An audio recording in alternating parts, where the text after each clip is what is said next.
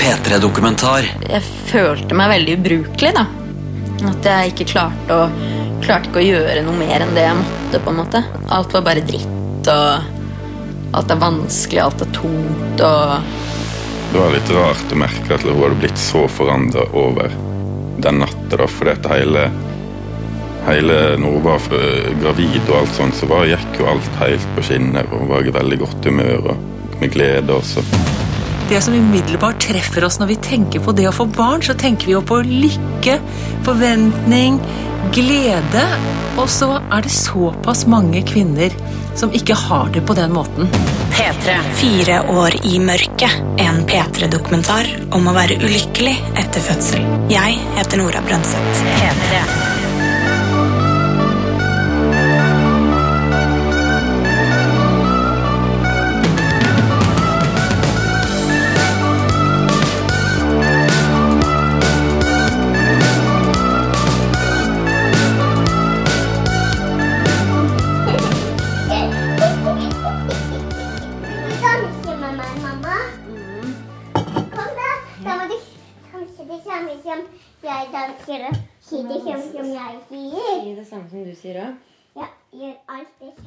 Inne i et stort trehus på Notodden danser ei lita jente på fire og et halvt år.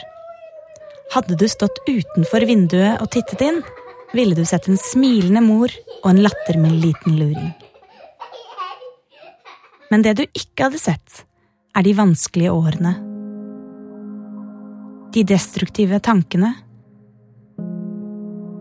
Og de utallige timene i mørket. Da satt jeg hjemme. Det var det jeg gjorde. Jeg gikk ut hvis jeg måtte. Hvis jeg hadde en legetime, eller hvis Lara skulle på helsestasjonen, da, da gikk jeg ut. Men ellers så satt jeg konstant i sofaen og bare satt. Og eh, Ja, gjerne i mørket. Det var det beste, liksom. Å sitte alene i mørket. Det er jo veldig rart å plutselig på en måte føle at man blir en helt annen person. Dette er Amina. Hun er nå 25 år, har langt, mørkt hår, blenda-hvitt smil og store, brune øyne. For å forstå hva som skjedde da alt forandra seg, og hvordan Amina var som person før, må vi tilbake i tid. Tilbake til 2009, da jeg møtte Amina for første gang på Jæren folkehøgskole. Hei og velkommen til video... Ok, åpningssang. Amina er på denne tiden den litt rastløse typen som alltid vil gjøre noe gøy. I morgen skal vi på hyttetur! I kveld er det Skavlan. Jeg har alltid vært litt sånn høylytt og irriterende, egentlig. Og alltid hatt noe å si og snakka med alt og alle. Og før så var jeg Jeg var positiv og glad og tjohei, liksom. Etter folkehøyskolen flytter Amina til Stavanger sammen med flere av de nye vennene. For å fortsette det feststemte og lystige livet. Året blir 2011, og en kveld i juni møter hun Torbjørn på en av barene hun jobber på. Amina er 20. Torbjørn 22. Jeg traff jo ute. Hun var liksom ekstremt lett å komme i kontakt med, og smilte og blid og glad og fornøyd. Og mye humor. Mye sær humor. Så. Torbjørn, med de milde øynene og den dype stemmen, og Amina finner tonen den kvelden. De møtes flere ganger etter dette, og et par måneder etter de møttes for første gang, tisser Amina på en pinne, som viser at hun er Gravid tre til fire uker, og da Ja, det var da det på en måte gikk opp for meg, da, at det- oi, shit. Men da sa Torbjørn også at det liksom Uansett hva som skjer nå, så, så er jeg her. Amina bestemmer seg for å beholde barnet. For selv om hun og Torbjørn bare har kjent hverandre i to måneder, har de lagt et godt grunnlag seg imellom. De gleder seg, og er innstilt på at dette skal de klare sammen. Men man var egentlig veldig sånn glad og fornøyd, da, selv om vi ikke hadde peiling på hvordan vi skulle ordne noen ting praktisk. Så var man veldig glad og fornøyd, tror jeg. Etter hvert flytter de til Voss for å bo i kjellerleiligheten under Torbjørns mamma. ja, vi fant ut at det var kanskje lurt å få litt hjelp i starten, og så vi dro, flytta jo hjem til Voss etter hvert før, før fødselen skulle skje, sånn at vi hadde noen i familien i direkte nærhet i tilfelle det skulle oppstå. Under graviditeten er Amina fortsatt den samme. Superlivlig og med på alt. På fest spiller hun bear pong med vannflaska under armen. Hun elsker å ha folk rundt seg. Helt til den natta vannet går. Det er 20. april. Klokka er to, og de kommende foreldrene drar ned på sykehuset. Amina har mange rier den natta. Babyen i magen vil ut, men åpningen blir ikke større. Babyens puls synker, og klokka sju hastes Amina inn på operasjonsbenken. Torbjørn blir plassert på et venterom. Jeg ble bare sendt inn på et sånt venterom for legene.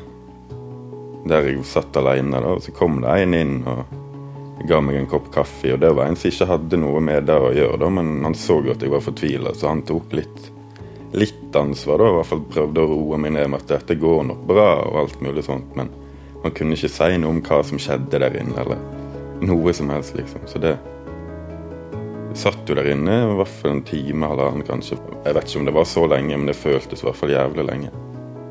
Jeg bare satt der alene. Så det var litt sånn dårlig, da. Det var ingen som kom og informerte om noe som, hva som skjedde, liksom.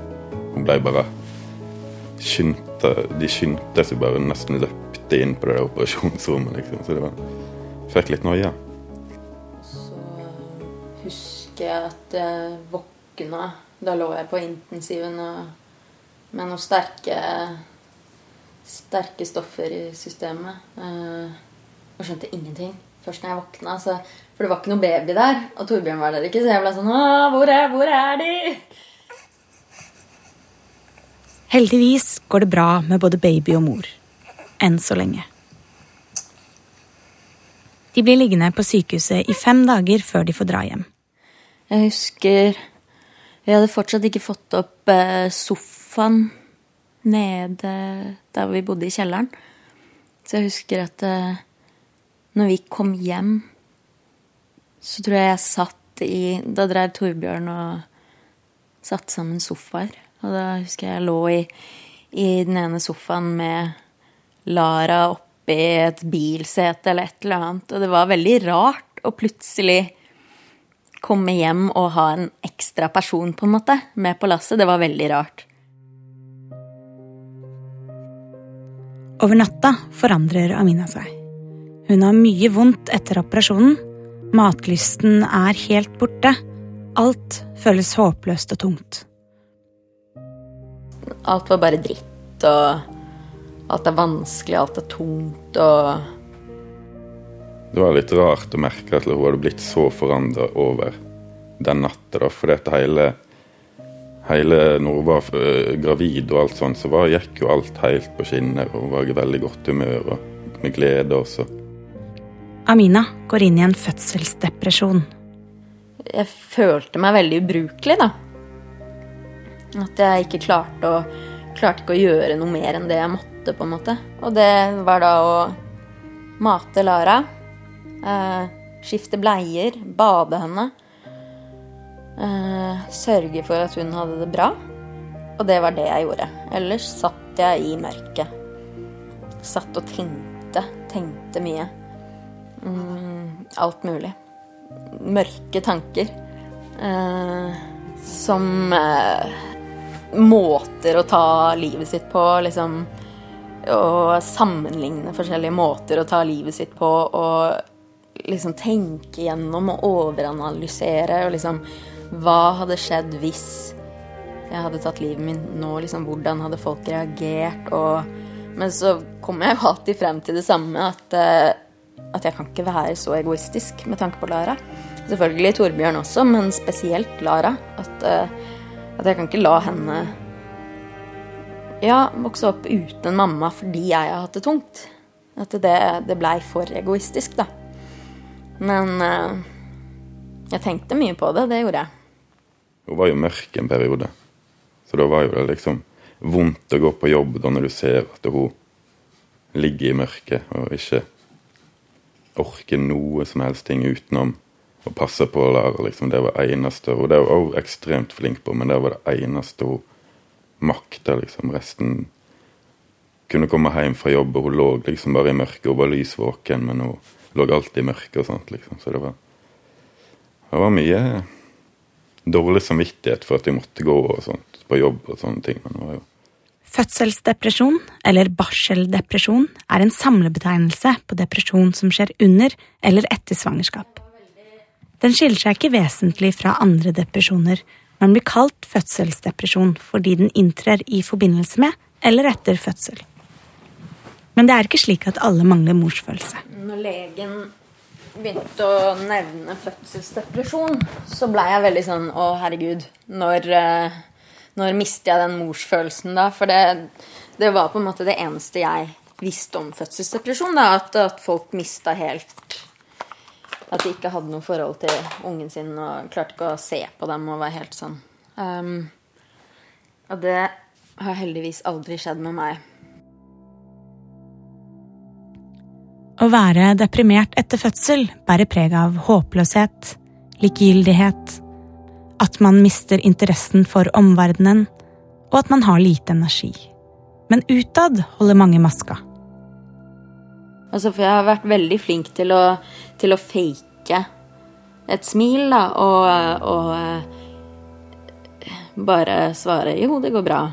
Men samtidig så har jeg jo ikke jobba, jeg har jo ikke gjort noe ellers, sånn at folk blir liksom sånn Ja, men kanskje du bare skal få deg en jobb nå og, og begynne å leve litt igjen, liksom. Men, men det, ikke, det er ikke så lett.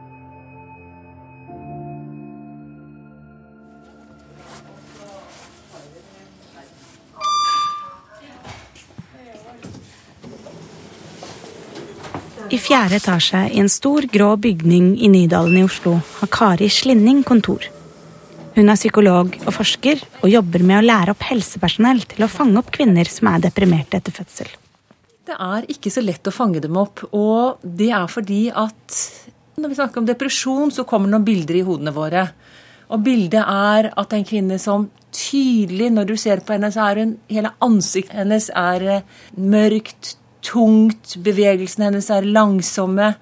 Eh, så man tror at man kan spotte disse kvinnene men det som viser seg, er jo at kvinner som strever med depresjon etter fødsel, de er veldig gode på å skjule symptomene sine.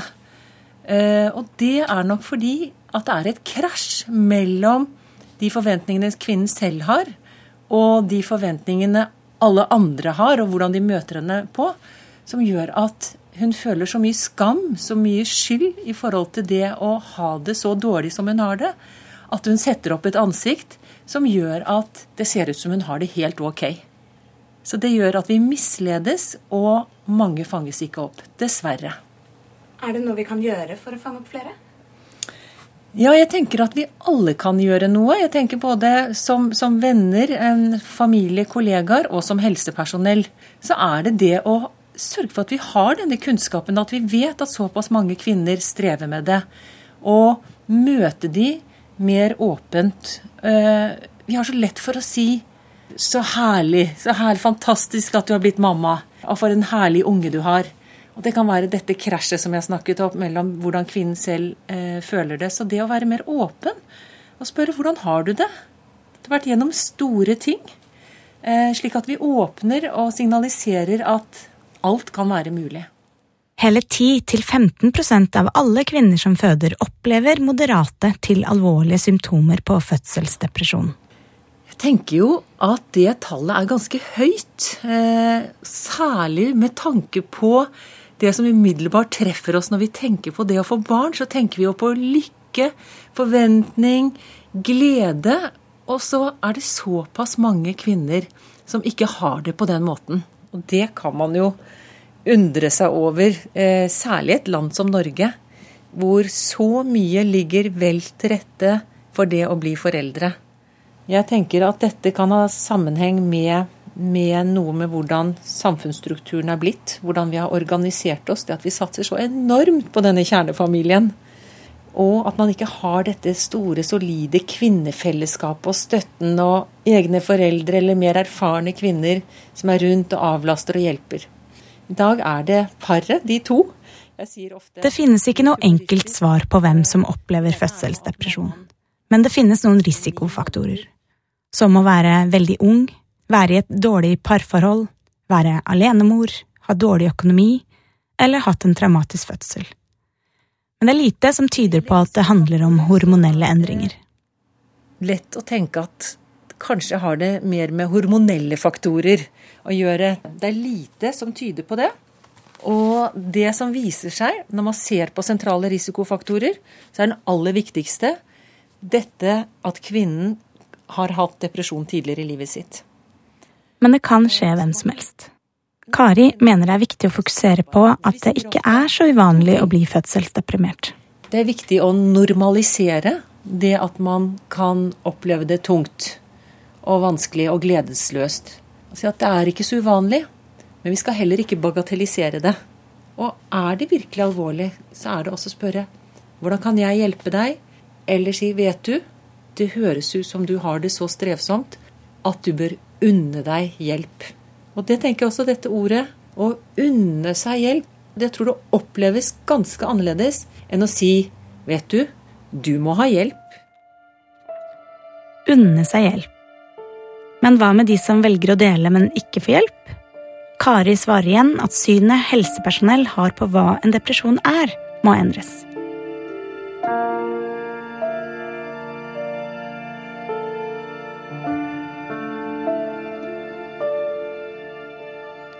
Aminas lege henviser henne til en psykolog, og Amina unner seg den hjelpen. Det gjør hverdagen litt lettere. I tillegg blir hun satt på antidepressiva. Men fortsatt orker hun ikke forholde seg til andre mennesker. Torbjørn og Amina bestemmer seg for å flytte til Oslo for å komme nærmere Aminas venner og slekt. I håp om at det skal gjøre situasjonen bedre. Så da, ble det Oslo Jeg tror Torbjørn egentlig skulle begynne på skole, men så skjedde det ikke. Så fikk han seg jobb på barneskole. Og da gjorde jo ikke jeg noe Ja, det var kanskje litt for å komme nærmere familien min nå. Slekta mi. er onkler og tanter og sånn i Oslo. Og Henriette og Tanja og sånn, da. Men det blei jo ikke Det var jo ikke mye jeg var med dem. Så jeg husker Torbjørn blei litt oppgitt over det. liksom. Ja, nå har vi flytta helt til Oslo, men du gjør jo ingenting for det. Jeg satt jo bare hjemme, og jeg henta og leverte i barnehagen, så Det var det.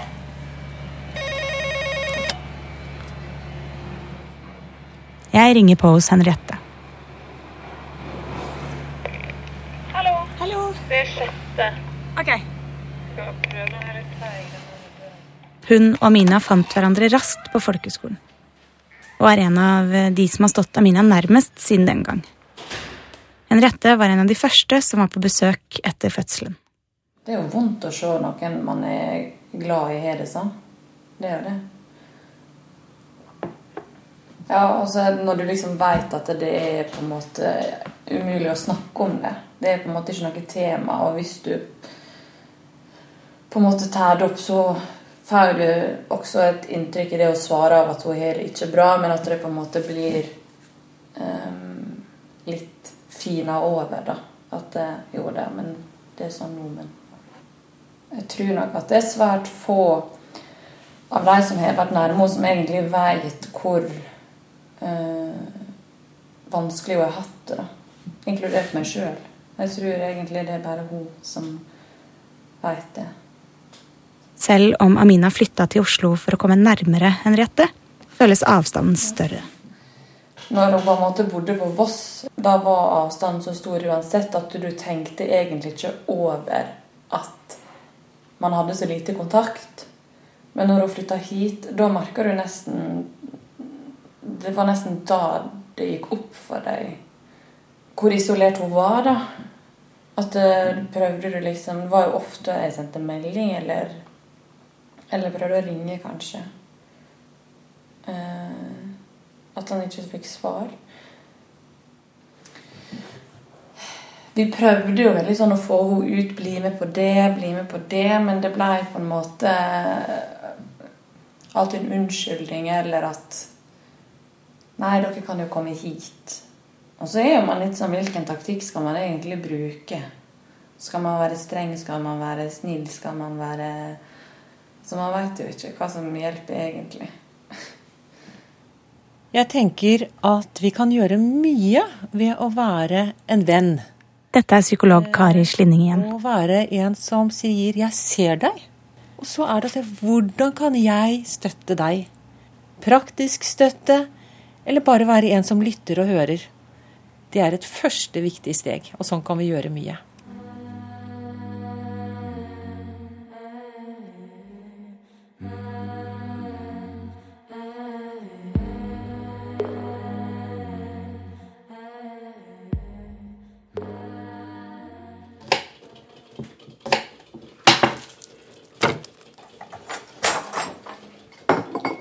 Spiser ikke du egentlig, Line? Eh, nei. Nei, jeg syns jeg hørte noe om det her om dagen. egentlig. Ja, vi snakker. Ja.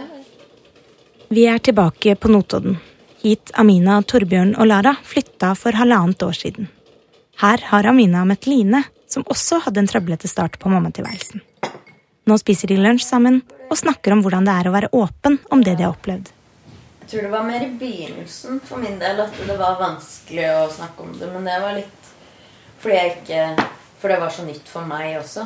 At jeg visste ikke helt hva det var, og jeg visste ikke hva jeg skulle si og sånn. Men når jeg fikk liksom det bekrefta av lege og psykolog Ja, du har en spiseforstyrrelse, ja, du har fødselsdepresjon, du har det og du har det, så så var det mye lettere for meg å, liksom, å si det, da. Når folk begynte å Å, beinrangel og oi, oi, oi, nå må du spise, liksom. Ja, jeg har en spiseforstyrrelse. Da, da blir det stille, liksom. For da Ja, da tror jeg ikke de vet helt hva de skal si, på en måte. Men øh, nå går det helt fint for meg å snakke åpent om det. Jeg syns jo det er vanskeligere. Men det tror jeg er fordi at eh, som du sier, jeg hadde motsatt opplevelse av det. Jeg fikk aldri beskjed om at jeg hadde en spisevanske. Jeg fikk aldri beskjed om at jeg hadde en fødselsdepresjon. Så når jeg tenker tilbake på det litt grundigere, sånn som jeg har gjort nå, lest litt av ting jeg skrev på den tida, sånn, så blir jeg litt trist. Jeg blir, eh, jeg blir rett og slett litt lei meg. Eh, Jeg ser tilbake på meg sjøl og klar, nå klarer jeg jo å se hvor ille det egentlig var. Det gjorde jeg jo ikke da. Da gikk jeg jo bare rundt som et sånn følelsesløst spøkelse fra den ene dagen til den andre. Men jeg Ja. Jeg blir litt trist. Jeg ser nå at jeg var et menneske med så masse følelser og så masse ting inni meg som ikke ble sett, og som ikke ble hørt. Og det Det syns jeg at alle mennesker fortjener. Ung og gammel og Ja. Så det jeg blir litt lei meg. Men jeg sy- syns samtidig det er veldig viktig å, å si det. For jeg er helt sikkert ikke den eneste som har det sånn. Og det hjalp meg så mye i den prosessen. Når jeg etter hvert skjønte at jeg ikke var aleine. Og da tenker jeg at da skal jeg også hjelpe til med å vise folk at uh, de er ikke aleine. Vi er mange, og det er, uh, det er forholdsvis normalt. Jeg tror kanskje det er viktig å stille noen krav man skal ikke pakkes for mye inn i bomull, selv om man sliter. Hvordan krav da, tenker du på? Noen kunne ha krevd av meg f.eks. at jeg kom meg til en psykolog. Eh, Et krav kan være så veldig mye.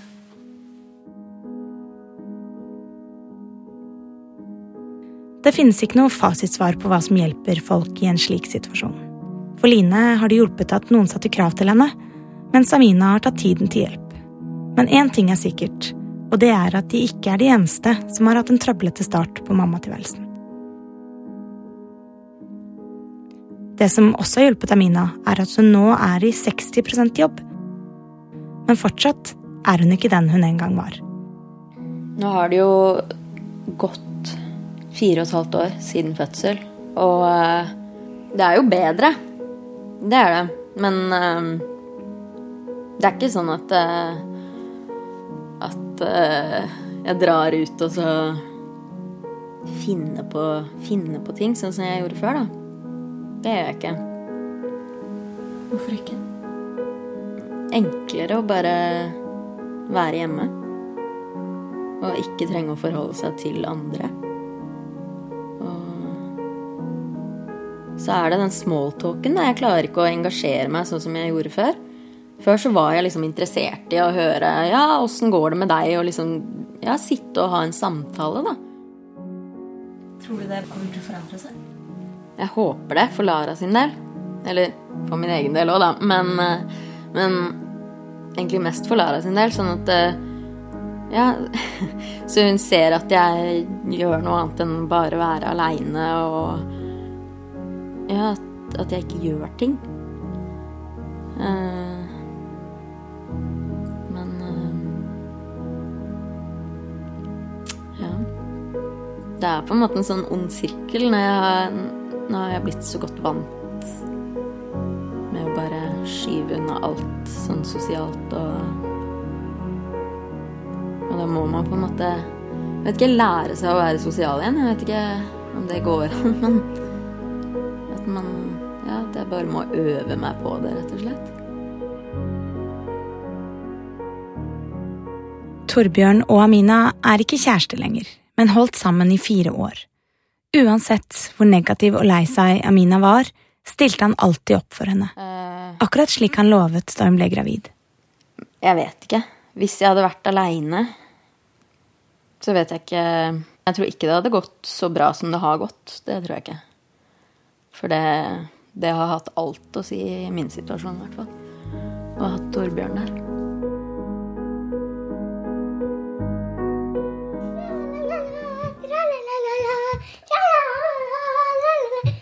Torbjørn og Amina er fortsatt venner og deler omsorgen for Lara.